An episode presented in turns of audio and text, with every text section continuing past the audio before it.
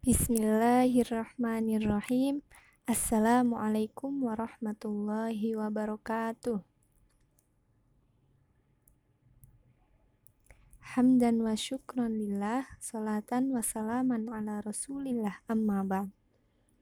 Pertama-tama marilah kita panjatkan puja dan puji syukur kita kehadirat Allah Subhanahu wa taala yang telah memberikan rahmat dan hidayahnya sehingga kita dapat bertemu lewat siaran radio Lokagana yang insya Allah barokah ini. Amin. Ya Rabbal Alamin. Salawat serta salam senantiasa tercurahkan kepada Nabi kita Nabi Muhammad Sallallahu Alaihi Wasallam yang telah membawa kita dari zaman kegelapan menuju zaman yang terang benderang ini dengan adanya syariat agama Islam. Ya, pembelajaran kali ini yaitu pembelajaran pendidikan agama Islam.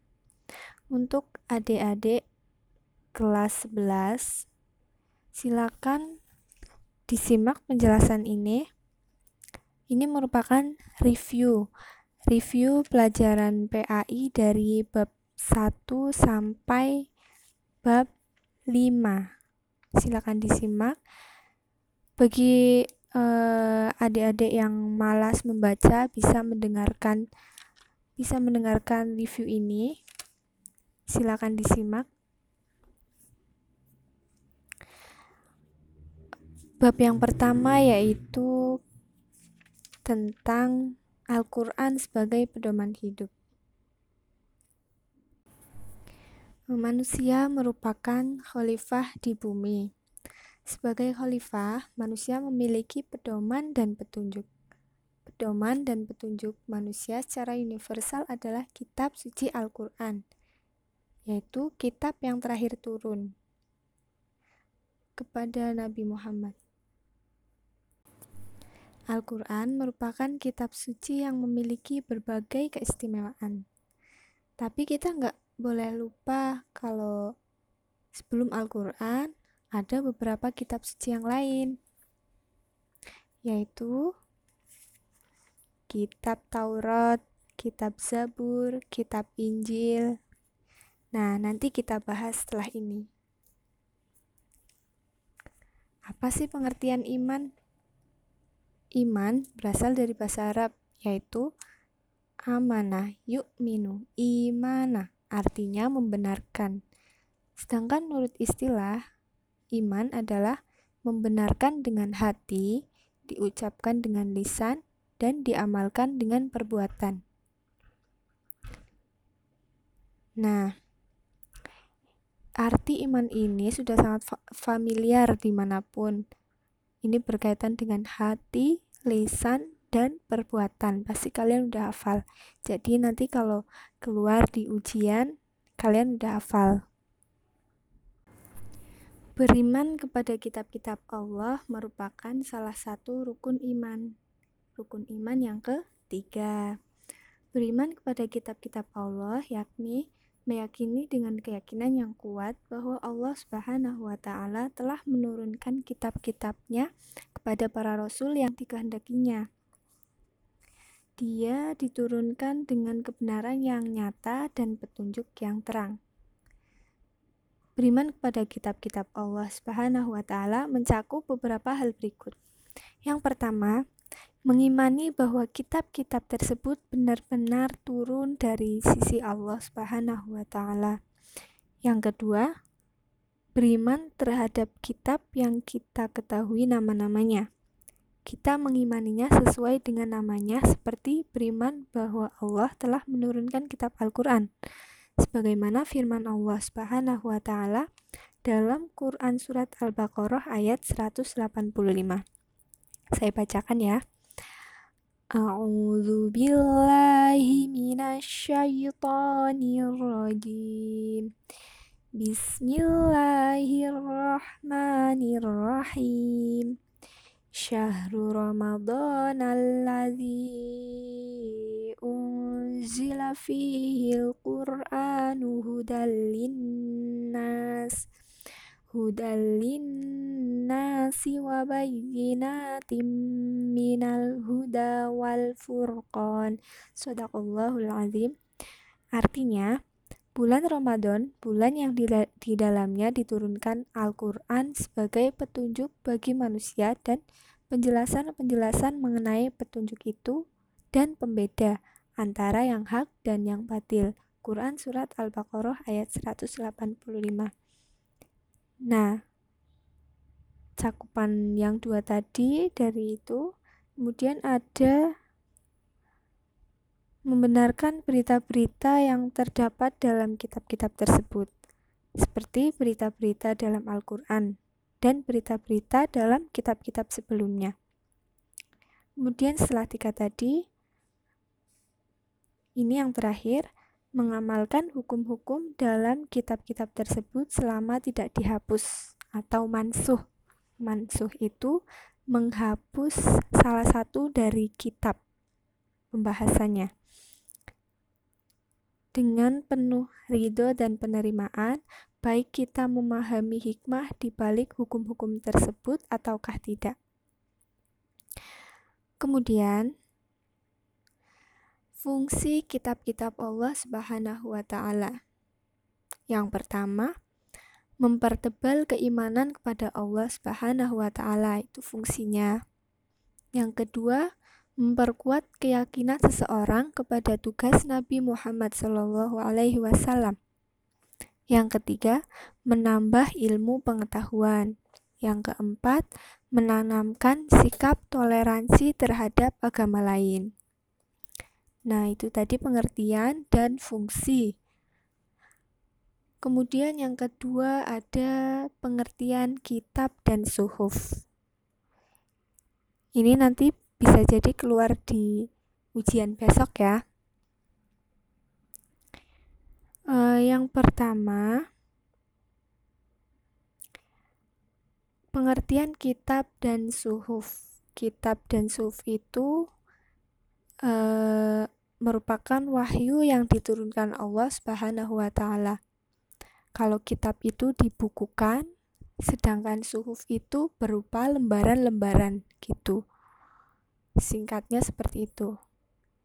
Kemudian di sini ada persamaan dan perbedaan kitab dan suhuf. Nah, persamaannya itu kitab dan suhuf itu sama-sama merupakan wahyu Allah. Penerimaan Kemudian penerimaan kitab dan suhuf hanya nabi atau rasul. Nah, kalau tadi persamaan, sekarang perbedaan kitab dan suhuf. Nah, kalau kitab itu lebih lengkap dan rinci daripada suhuf, karena suhuf juga hanya berupa lembaran. Yang kedua, isi kitab lebih lengkap atau rinci daripada suhuf. Terus kitab bersifat buku atau mushaf, sedang suhuf berupa lembaran yang tadi sudah saya jelaskan. Begitu penjelasan tentang kitab dan suhuf. Nah, seperti yang tadi saya sudah bilang, kalau ada penjelasan-penjelasan tentang kitab-kitab Allah Subhanahu wa taala dan para penerimanya. Ini dulu waktu SMP juga sudah sudah diterangkan ya tentang kitab-kitab Allah yaitu rukun iman yang ketiga. Kitab-kitab Allah yang pertama itu ada kitab Taurat. Kitab ini diturunkan kepada Nabi Musa, Nabi Musa alaihi salam sebagai pedoman dan petunjuk bagi Bani Israel. Kemudian selain kitab Taurat, ada kitab Zabur, diturunkan kepada Nabi Daud, Nabi Daud alaihi salam. Kalau tadi Taurat itu Nabi Musa, kalau Zabur diturunkan kepada Nabi Daud sebagai pedoman dan petunjuk bagi umatnya. Selain tadi ada Taurat, Zabur, kemudian ada Injil. Nah, kitab Injil itu diwahyukan oleh Allah Subhanahu wa taala kepada Nabi Isa alaihi salam. Beda ya antara kitab Injil yang dulu dengan sekarang. Kalau kitab Injil yang sekarang itu sudah di uh, sedikit dirubah. Kemudian tadi ada Taurat, Zabur, Injil, kemudian ini yang terakhir, kitab yang terakhir yaitu kitab Al-Qur'an yang merupakan kitab yang dijamin kemurniannya oleh Allah Subhanahu wa taala.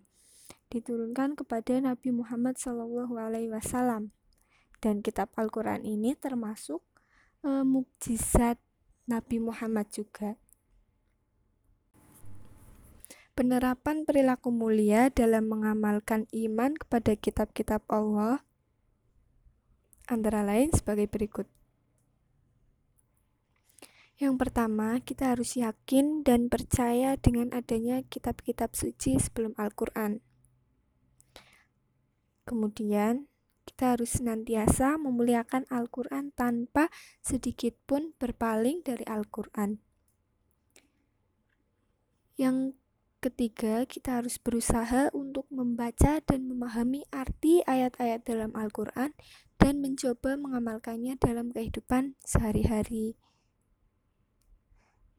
Nah, kemudian yang terakhir, selalu menjadikan Al-Quran sebagai pedoman yang utama. Itu merupakan uh, penerapan perilaku mulia yang bisa kita amalkan dalam kehidupan sehari-hari. Nah, itu tadi kita sudah mereview bab 1 yaitu tentang Al-Qur'an sebagai pedoman hidup. Kemudian kita mereview bab 2 yaitu tentang hidup nyaman dengan perilaku jujur. Dalam kehidupan sehari-hari, manusia membutuhkan interaksi antara manusia yang satu dengan yang lain. Interaksi yang dilakukan manusia juga sangat penting demi menjaga silaturahmi antar sesama manusia. Agar sesama manusia tetap bisa bersatu dan saling berinteraksi, maka diperlukan perilaku jujur.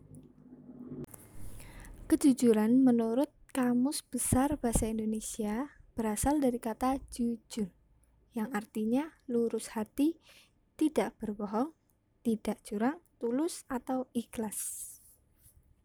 Nah, lawan dari sifat jujur itu apa? Bohong. Kalian pasti udah udah paham ya lawan dari kata jujur itu pasti bohong. Kemudian di sini ada hadis tentang ciri orang munafik. Ciri orang munafik itu adalah dusta, ingkar janji, dan khianat. Saya bacakan hadisnya ya. Bismillahirrahmanirrahim.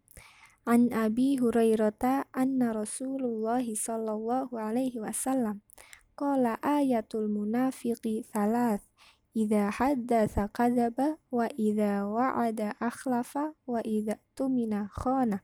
Artinya, Abu Hurairah radhiyallahu anhu ia berkata, Rasulullah Shallallahu Alaihi Wasallam bersabda, ada tiga tanda orang munafik, yaitu apabila berbicara ia berbohong, apabila berjanji ia mengingkari, dan apabila dipercaya ia berkhianat. Nah, jadi eh, bohong ini termasuk dalam ciri-ciri orang munafik.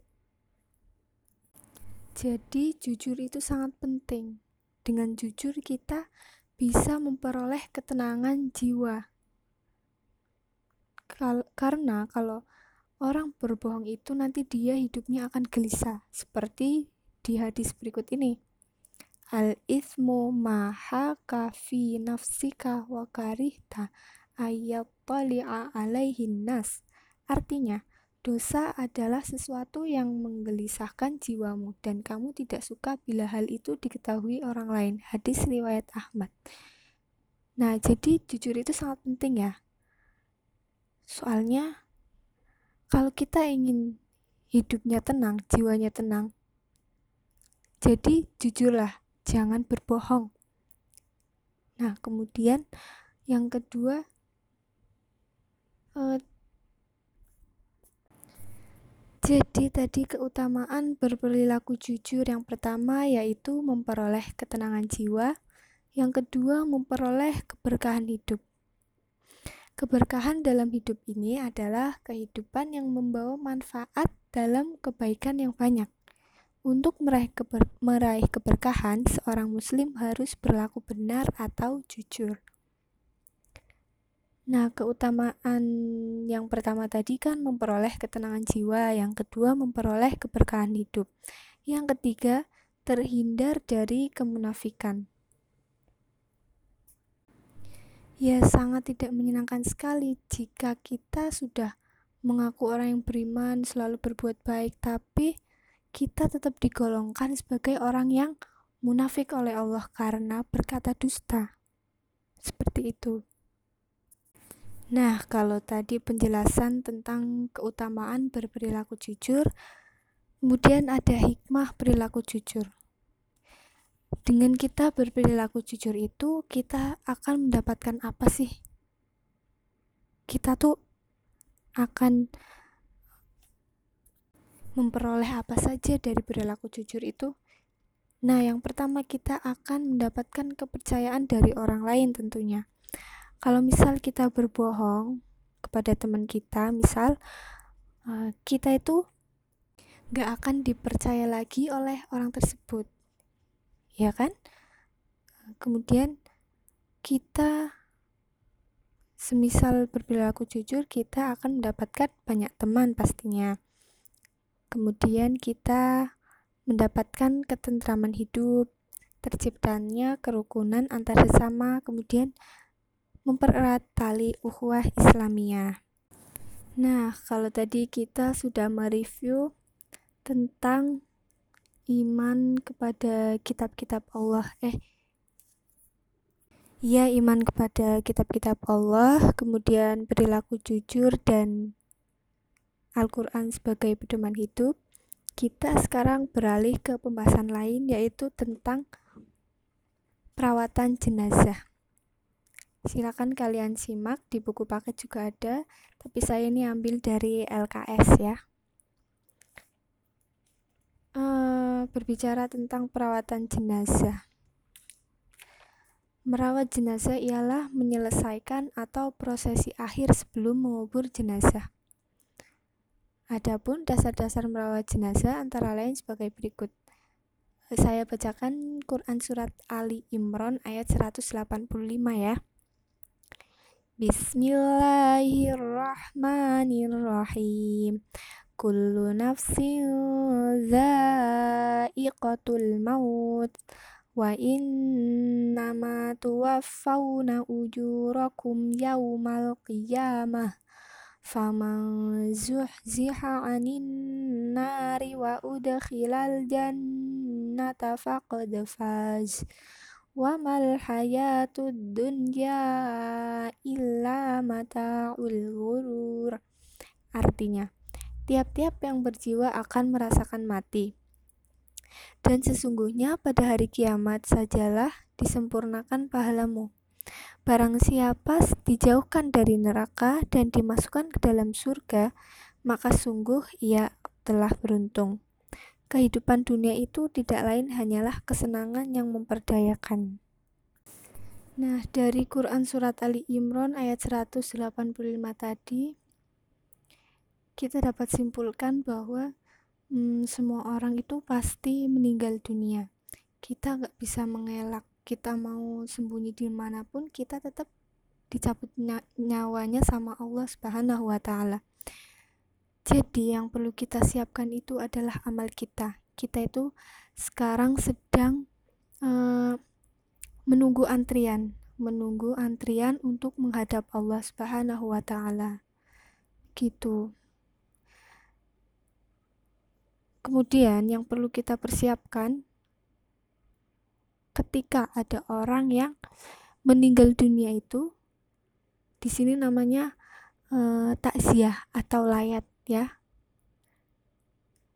Nah, prosesi atau upacara penyiapan mayat itu ada empat hal. Di sini hukumnya fardu kifayah ya. Eh, jadi bila tidak ada seorang pun dari penduduk desa atau kota yang melaksanakannya, maka semuanya berdosa. Keempat hal itu adalah sebagai berikut. Eh, sebelum mayat itu dikafani pastinya harus dimandikan ter terlebih dahulu oleh e, keluarganya. Kalau misal mayatnya itu perempuan sebaiknya dimandikan oleh keluarga dari yang perempuan. Atau kalau misal yang meninggal itu seorang istri maka yang memandikan itu suaminya. Atau bisa juga anaknya. Kemudian setelah memandikan itu ada mengafani. Memandikan, mengafani, kemudian menyolatkan dan menguburkan. Itu empat hal ketika mengurus jenazah. Nah, ketika memandikan jenazah, hal-hal yang dibutuhkan itu kita harus mempersiapkan peralatan untuk memandikan jenazah. Kemudian, selain peralatan, kita harus menyiapkan tempat memandikannya. Kemudian ada air untuk memandikan dan posisi mayat. Nah, posisi mayatnya itu yang paling memudahkan untuk dimandikan. Namun, yang sunnah adalah mayat didudukan agak miring ke belakang. Posisi ini memudahkan orang yang memudahkan untuk membersihkan kotoran yang ada pada mayat. Kemudian ada tata cara memandikan. Di sini silakan kalian baca sendiri ya. E, di buku paket itu ada. Kemudian syarat-syarat memandikan jenazah tadi saya sudah menyinggung sedikit ya. Kalau misal mayatnya laki-laki, maka yang memandikan laki-laki. Bila mayat perempuan, maka yang memandikan juga perempuan. Boleh bagi pasangan suami istri, suami memandikan istri yang meninggal, begitu pula sebaliknya. Adapun yang lebih utama memandikan mayat laki-laki adalah orang yang paling mengerti masalah agama dan yang paling punya rasa belas kasih. Sedangkan yang lebih utama memandikan mayat perempuan adalah orang perempuan yang semahram dengan mayat. Sebaliknya, yang bertugas memandikan tidak lebih dari tujuh orang. Tiga orang memangku di atas bagian depan, sedangkan empat orang yang lain ada yang menyiram air, ada yang menggosok tubuh mayat, dan ada pula yang membantu menyediakan hal-hal yang diperlukan. Urutan pertama dalam prosesi atau upacara penyiapan mayat itu yang pertama tadi memandikan jenazah, kemudian mengkafani jenazah. Cara mengkafani mayat laki-laki itu yang pertama diberi tiga lapis kain secara ditumpuk.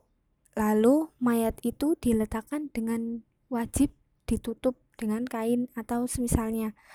Lalu diletakkan di atas lapis-lapis kafan dengan terlentang terus kemudian diberi wewangian yang diletakkan di kapas untuk diletakkan di bagian anggota badan tertentu misalnya eh, kedua mata, kedua lubang hidung, mulut, kedua lubang telinga dan di anggota sujudnya itu yang diberi kapas.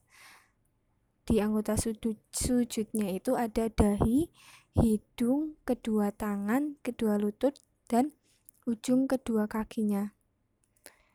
Kemudian di lipatan-lipatan tubuh, misalnya kedua ketiak, kedua lipatan belakang lutut, dan pusar. Kemudian wewangian diberikan pada kain kafan dan kepala mayat. Ujung kain kafan lembaran yang paling atas bagian kiri Ujung kain kafan lembaran yang paling atas bagian kiri ditutupkan ke bagian kanan mayat. Lalu ujung kain kafan sebelah kanan ditutupkan ke bagian kiri badan mayat. Demikian pula lembaran kedua dan ketiga. Sisa sisa ujung kain kafan di atas kepala lebih banyak daripada sisa ujung kain kafan di bawah kedua kakinya.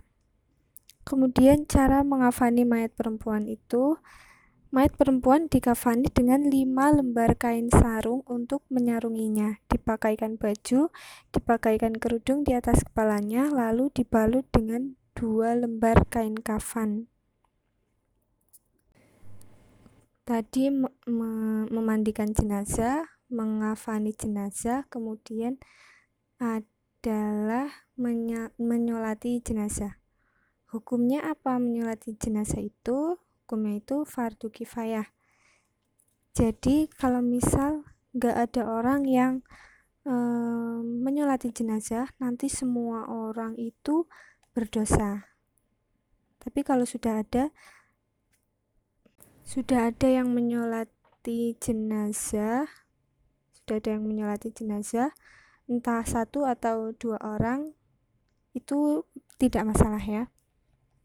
Kemudian syarat-syarat sholat jenazah itu adalah yang pertama, suci dari hadas besar atau kecil, badan, pakaian, atau tempat suci dari najis, menghadap kiblat, serta menutup aurat.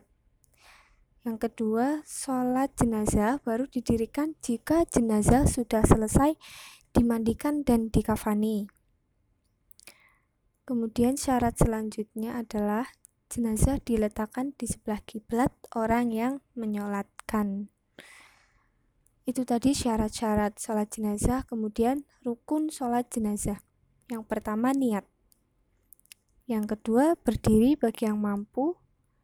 Yang ketiga empat kali tak takbiratul ihram. Yang keempat, membaca surat Al-Fatihah setelah takbir yang pertama. Selanjutnya membaca sholawat kepada Nabi Muhammad setelah takbir kedua. Kemudian membaca doa untuk jenazah setelah takbir yang ketiga. Selanjutnya, membaca doa untuk jenazah dan orang yang menyolatinya setelah takbir yang keempat. Yang terakhir, membaca salam ke kanan dan ke kiri. Itu tadi syarat, rukun. Kemudian, di sini sunnah sholat jenazah. Yang pertama, mengangkat kedua tangan saat takbir. Yang kedua, merendahkan suara pada setiap bacaan. Yang ketiga, membaca ta'awuz. Yang keempat, posisi imam hendaknya di dekat kepala jenazah laki-laki atau di dekat pinggul jenazah perempuan. Kemudian yang terakhir, soft hendaknya dijadikan tiga soft atau lebih. Satu soft sekurang-kurangnya dua orang. Kemudian tata cara sholat jenazah bisa kalian pelajari sendiri. Di situ juga ada bacaan-bacaan eh, takbirnya. Kemudian selain tadi memandikan, mengafani, kemudian selanjutnya ada mengubur jenazah. Itu bisa kalian baca sendiri ya, di buku paket itu ada. Penjelasan yang selanjutnya yaitu tentang takziah atau biasa kita menyebutnya layat dengan maks dengan maksud menghibur atau memberi semangat dan untuk mengunjungi orang yang sedang tertimpa musibah kematian. Adapun etika orang bertakziah antara lain seperti berikut. Yang pertama, menyampaikan doa untuk kebaikan dan ampunan terhadap orang yang meninggal serta kesabaran bagi orang yang ditinggal. Yang kedua, hindarilah pembicaraan yang menambah sedih keluarga yang ditimpa musibah. Yang ketiga, hindarilah canda tawa apalagi sampai terbahak-bahak di rumah duka. Kemudian yang keempat, usahakan turut menyolati mayat dan turut mengantarkan ke pemakaman sampai selesai penguburan. Yang kelima, membuatkan makanan bagi keluarga yang ditimpa musibah. Nah, itu tadi review tentang perawatan jenazah. Perawatan eh Review selanjutnya yaitu tentang khutbah, tabligh, dan dakwah. Apa arti khutbah? Khutbah itu berasal dari kata kataba yaktubu khutbah khotaba yaktubu khutbah yang bermakna memberi nasihat dalam suatu kegiatan ibadah.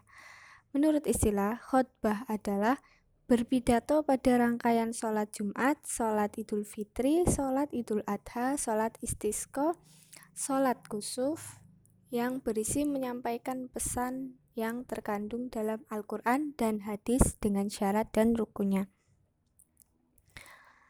Kemudian selain khutbah adalah tablik. secara bahasa, tablik berasal dari kata balagho yubaligu tabligan yang berarti menyampaikan. Tablik merupakan kata kerja transitif yang berarti membuat seseorang sampai menyampaikan atau melaporkan sesuatu kepada orang lain. Orang yang menyampaikan sesuatu ajaran Islam dan berpidato di depan umum atau umat Islam disebut mubaligh. Kemudian, selain khutbah tablik ada dakwah. Kata dakwah merupakan masdar atau kata benda dari kata kerja. Da'a, yada'u yang berarti panggilan. Ini menurut bahasa tadi ya, panggilan, seruan, atau ajakan. Menurut istilah, dakwah adalah kegiatan yang bersifat menyeru, mengajak, dan memanggil orang untuk beriman dan taat kepada Allah sesuai dengan garis akidah, syariat, dan akhlak dalam agama Islam. Pentingnya khutbah, tablik, dan dakwah itu apa sih sebenarnya? Pentingnya khutbah itu untuk apa? Manfaatnya untuk kita itu apa? Nah, Khutbah itu merupakan salah satu bentuk amalan ibadah dan memiliki peran penting bagi agama Islam dan umat Islam. Khutbah merupakan kegiatan dakwah paling efektif yang bertujuan untuk mengajak orang lain dalam meningkatkan kualitas ketakwaan sesuai ajaran agama. Selain manfaat yang tadi saya sebutkan, ada beberapa manfaat adanya khutbah bagi diri sendiri untuk mubaliknya dan orang lain atau pendengar. Yang pertama, memberi pengajaran kepada jamaah mengenai bacaan dalam rukun khutbah terutama bagi jamaah yang kurang memahami bahasa Arab. Gitu. Yang kedua, mendorong jamaah untuk meningkatkan ketakwaan kepada Allah Subhanahu wa taala. Yang ketiga, mengajak jamaah untuk selalu berjuang, menggiatkan dan membudayakan syariat Islam dalam masyarakat. Selanjutnya, mengajak jamaah untuk selalu berusaha melakukan amar ma'ruf dan nahi mungkar. Kemudian, manfaat yang terakhir yaitu menyampaikan informasi mengenai perkembangan ilmu pengetahuan dan hal-hal yang bersifat aktual kepada jamaah. Nah, tadi itu pentingnya khutbah. Tadi udah dijelaskan e, manfaat khutbah bagi diri sendiri atau mubalik dan orang lain. Kemudian pentingnya tabligh. Tabligh dalam Islam ialah tidak memaksa dan menyampaikan ajaran secara jelas atau bermetode dan terang.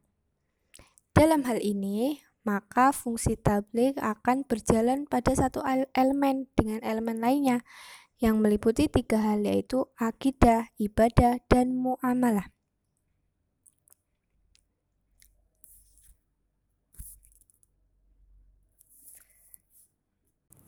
Kemudian pentingnya dakwah.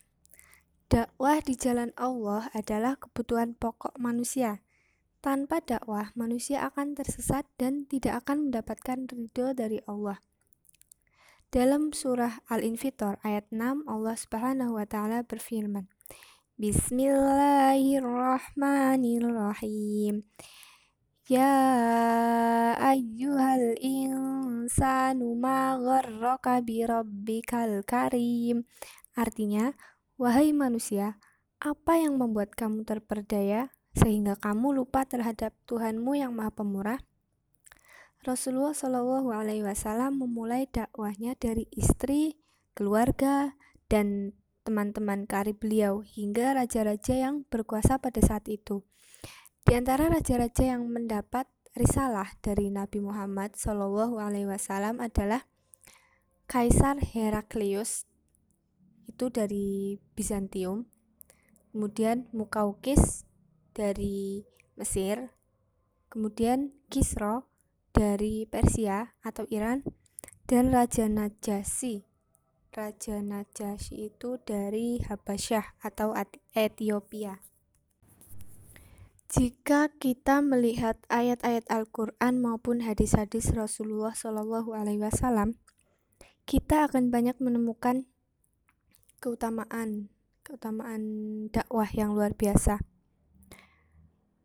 Dengan mengetahui, memahami, dan menghayati keutamaan dakwah ini, seorang Muslim akan termotivasi untuk melakukan dakwah. Jadi, di Al-Quran itu banyak e, menjelaskan tentang keutamaan-keutamaan dakwah. Kalau misal kita baca, kita itu akan termotivasi untuk melakukan dakwah. Dengan mengetahui keutamaan dakwah, maka konsistensi seorang muslim dalam berdakwah dan semangat dakwah akan tetap terjaga. Oleh karena keyakinan terhadap keutamaan dakwah dapat meringankan beban dan rintangan dalam berdakwah. Lima keutamaan dakwah antara lain Dakwah adalah muhimmatur rasul, tugas utama para rasul. Kemudian, dakwah adalah ahsanul a'mal, amal yang terbaik. Karena apa? Dengan dakwah kita menabung pahala di akhirat. Jadi nanti akan ada pahala yang terus mengalir berkat dakwah itu sendiri. Kemudian, dakwah memiliki keutamaan yang besar karena para dai akan memperoleh balasan yang besar dan berlipat ganda. Dakwah dapat menyelamatkan kita dari azab Allah Subhanahu wa taala. Kemudian, dakwah adalah jalan menuju khairu ummah. Adapun mengenai ketentuan khutbah, tablik, dakwah itu bisa kalian baca sendiri di buku paket itu udah sangat ringkas. Kita sekarang beralih mereview tentang masa kejayaan Islam. Mengenai periodisasi sejarah Islam, Harun Nasution dalam bukunya yang berjudul Islam ditinjau dari berbagai aspeknya, membagi sejarah Islam ke dalam se, membagi sejarah Islam ke dalam tiga periode besar berikut. Yang pertama, Nah, ini tiga ini ada periode klasik, periode pertengahan, dan periode modern. Periode klasik itu berlangsung dari 650 Masehi sampai 1250 Masehi. Periode klasik merupakan periode kejayaan Islam yang dibagi ke dalam dua fase.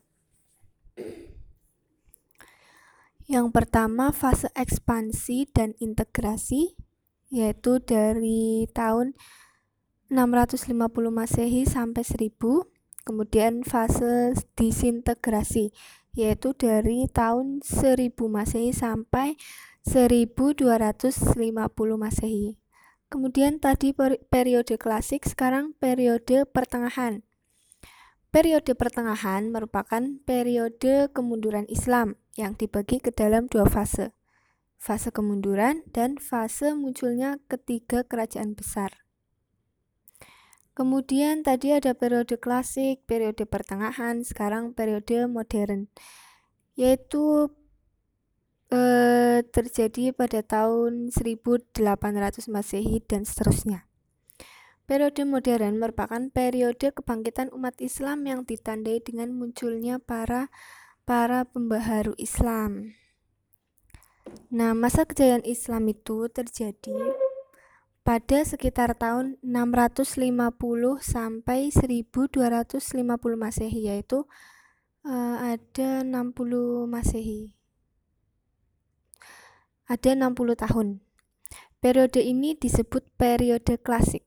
Pada kurun waktu itu ada dua kerajaan besar yang sering kita pelajari di kelas 11 yaitu Kerajaan Umayyah dan Abbasiyah atau biasanya di buku itu tulisannya Daulah Umayyah dan Daulah Abbasiyah atau dinasti Umayyah dan dinasti Abbasiyah. Pada masa Bani Umayyah, perkembangan Islam ditandai dengan meluasnya wilayah kekuasaan Islam dan berdirinya bangunan-bangunan sebagai pusat dakwah Islam. Kemajuan Islam pada masa ini meliputi bidang politik, keagamaan, ekonomi, ilmu bangunan atau arsitektur, sosial, dan bidang militer. Uh, tadi penjelasan singkat tentang Bani Umayyah, kemudian beralih ke Bani Abbasiyah. Perkembangan Islam pada masa Bani Abbasiyah ditandai dengan pesatnya perkembangan ilmu pengetahuan. Kemajuan Islam pada masa ini meliputi bidang ilmu pengetahuan, ekonomi, ilmu bangunan atau arsitektur, sosial, dan bidang militer. Kemajuan umat Islam pada masa Bani Umayyah atau Bani Abbasiyah tidak terjadi secara tiba-tiba, akan tetapi disebabkan oleh faktor internal dan faktor eksternal. Nah, faktor-faktor ini nanti akan keluar di kisi-kisi, jadi adik-adik harus simak baik-baik penjelasan ini atau baca sendiri di buku paket dihafalkan. Nah, faktor internalnya antara lain yang pertama, konsistensi dan istiqomah umat Islam kepada ajaran Islam. Yang kedua, ajaran Islam yang mendorong umatnya untuk maju. Yang ketiga, Islam sebagai rahmat seluruh alam. Dan yang terakhir, faktor internalnya yaitu Islam sebagai agama dakwah sekaligus keseimbangan dalam menggapai kehidupan duniawi dan ukhrawi. Nah, itu tadi faktor internal. Sekarang faktor eksternalnya antara lain yang pertama, terjadi pertukaran antara bangsa Arab dan bangsa-bangsa lain yang lebih dahulu mengalami perkembangan dalam ilmu pengetahuan. Pengaruh Persia pada saat itu sangat penting Persia banyak berjasa dalam bidang pemerintahan, perkembangan ilmu filsafat, dan sastra. Adapun pengaruh Yunani masuk melalui berbagai macam terjemahan dalam banyak bidang ilmu, terutama filsafat. Nah, faktor eksternal yang kedua yaitu gerakan terjemahan pada masa periode klasik. Usaha penerjemahan kitab-kitab asing dilakukan dengan giat sekali pada masa ini. Pengaruh gerakan terjemahan ter terjemahan terlihat dalam perkembangan ilmu pengetahuan umum, terutama di bidang astronomi, kedokteran, filsafat, kimia, dan sejarah. Itu tadi faktor-faktor kemajuan umat Islam. Nah, kemudian tokoh-tokoh pada masa kejayaan Islam di buku paket ini ada lima tokoh. Tapi sebenarnya ada banyak sekali yang telah menyumbangkan karyanya untuk peradaban umat Islam. Ya. Yang pertama di sini ada Ibnu Rushd. Ibnu Rushd itu nama lengkapnya Abu Al-Walid Abu Al-Walid Muhammad Ibnu Rushd. Beliau ini ahli dalam bidang ilmu fikih, ilmu kalam, sastra Arab, matematika, fisika, astronomi, kedokteran, dan filsafat. Karya-karya beliau ini antara lain di sini disebutkan dua, tapi sebenarnya ada banyak. Kitab Bidayat Al-Mujtahid, kitab yang membahas tentang fikih.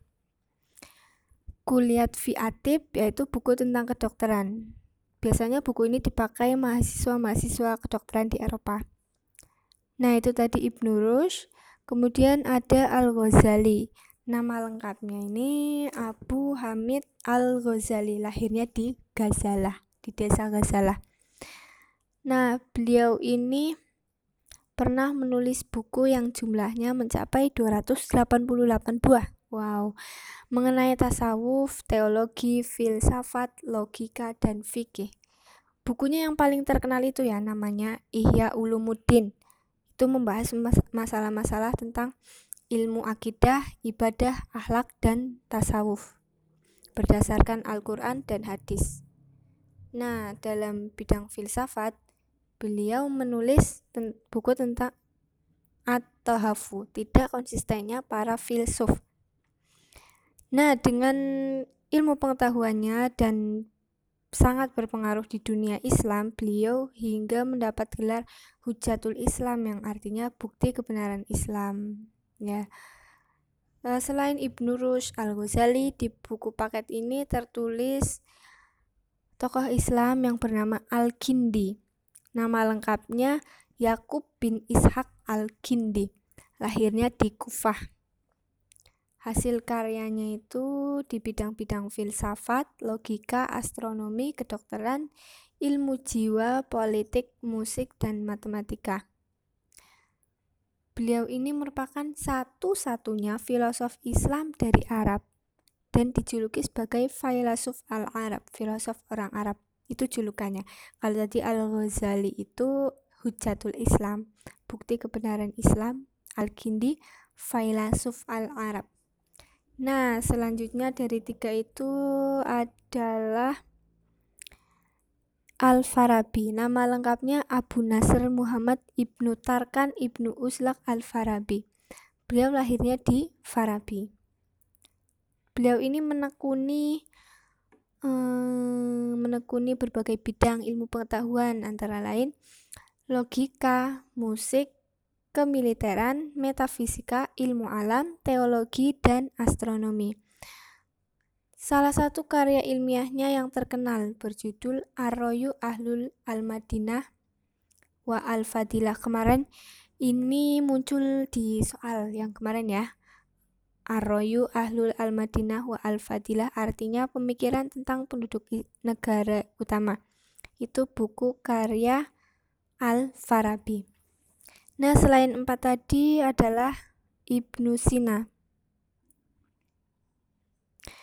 Ibnu Sina nama lengkapnya Abu Ali Al-Husain Ibnu Abdullah Ibnu Sina, lahirnya di desa Afshana dekat Bukhara. Beliau menulis lebih dari 200 buku dan di antara karyanya yang terkenal berjudul Al-Qanun fi Atib. Nah, ini sering keluar di soal-soal Ibnu Sina ya. Berjudul Al-Qanun Al-Qanun fi Atib yaitu ensiklopedia tentang ilmu kedokteran dan Al-Shifa, ensiklopedia tentang filsafat dan ilmu pengetahuan. Ini kemarin keluar di soal. Nah, itu tadi kita sudah mereview 5 bab ya. Jadi untuk adik-adik yang malas membaca buku bisa mendengarkan mm, review 5 bab ini pelajaran pendidikan agama Islam. Silakan disimak. Semoga membantu. Terima kasih dari saya. Nun wal kolami wa mayasturun. Wassalamualaikum warahmatullahi wabarakatuh.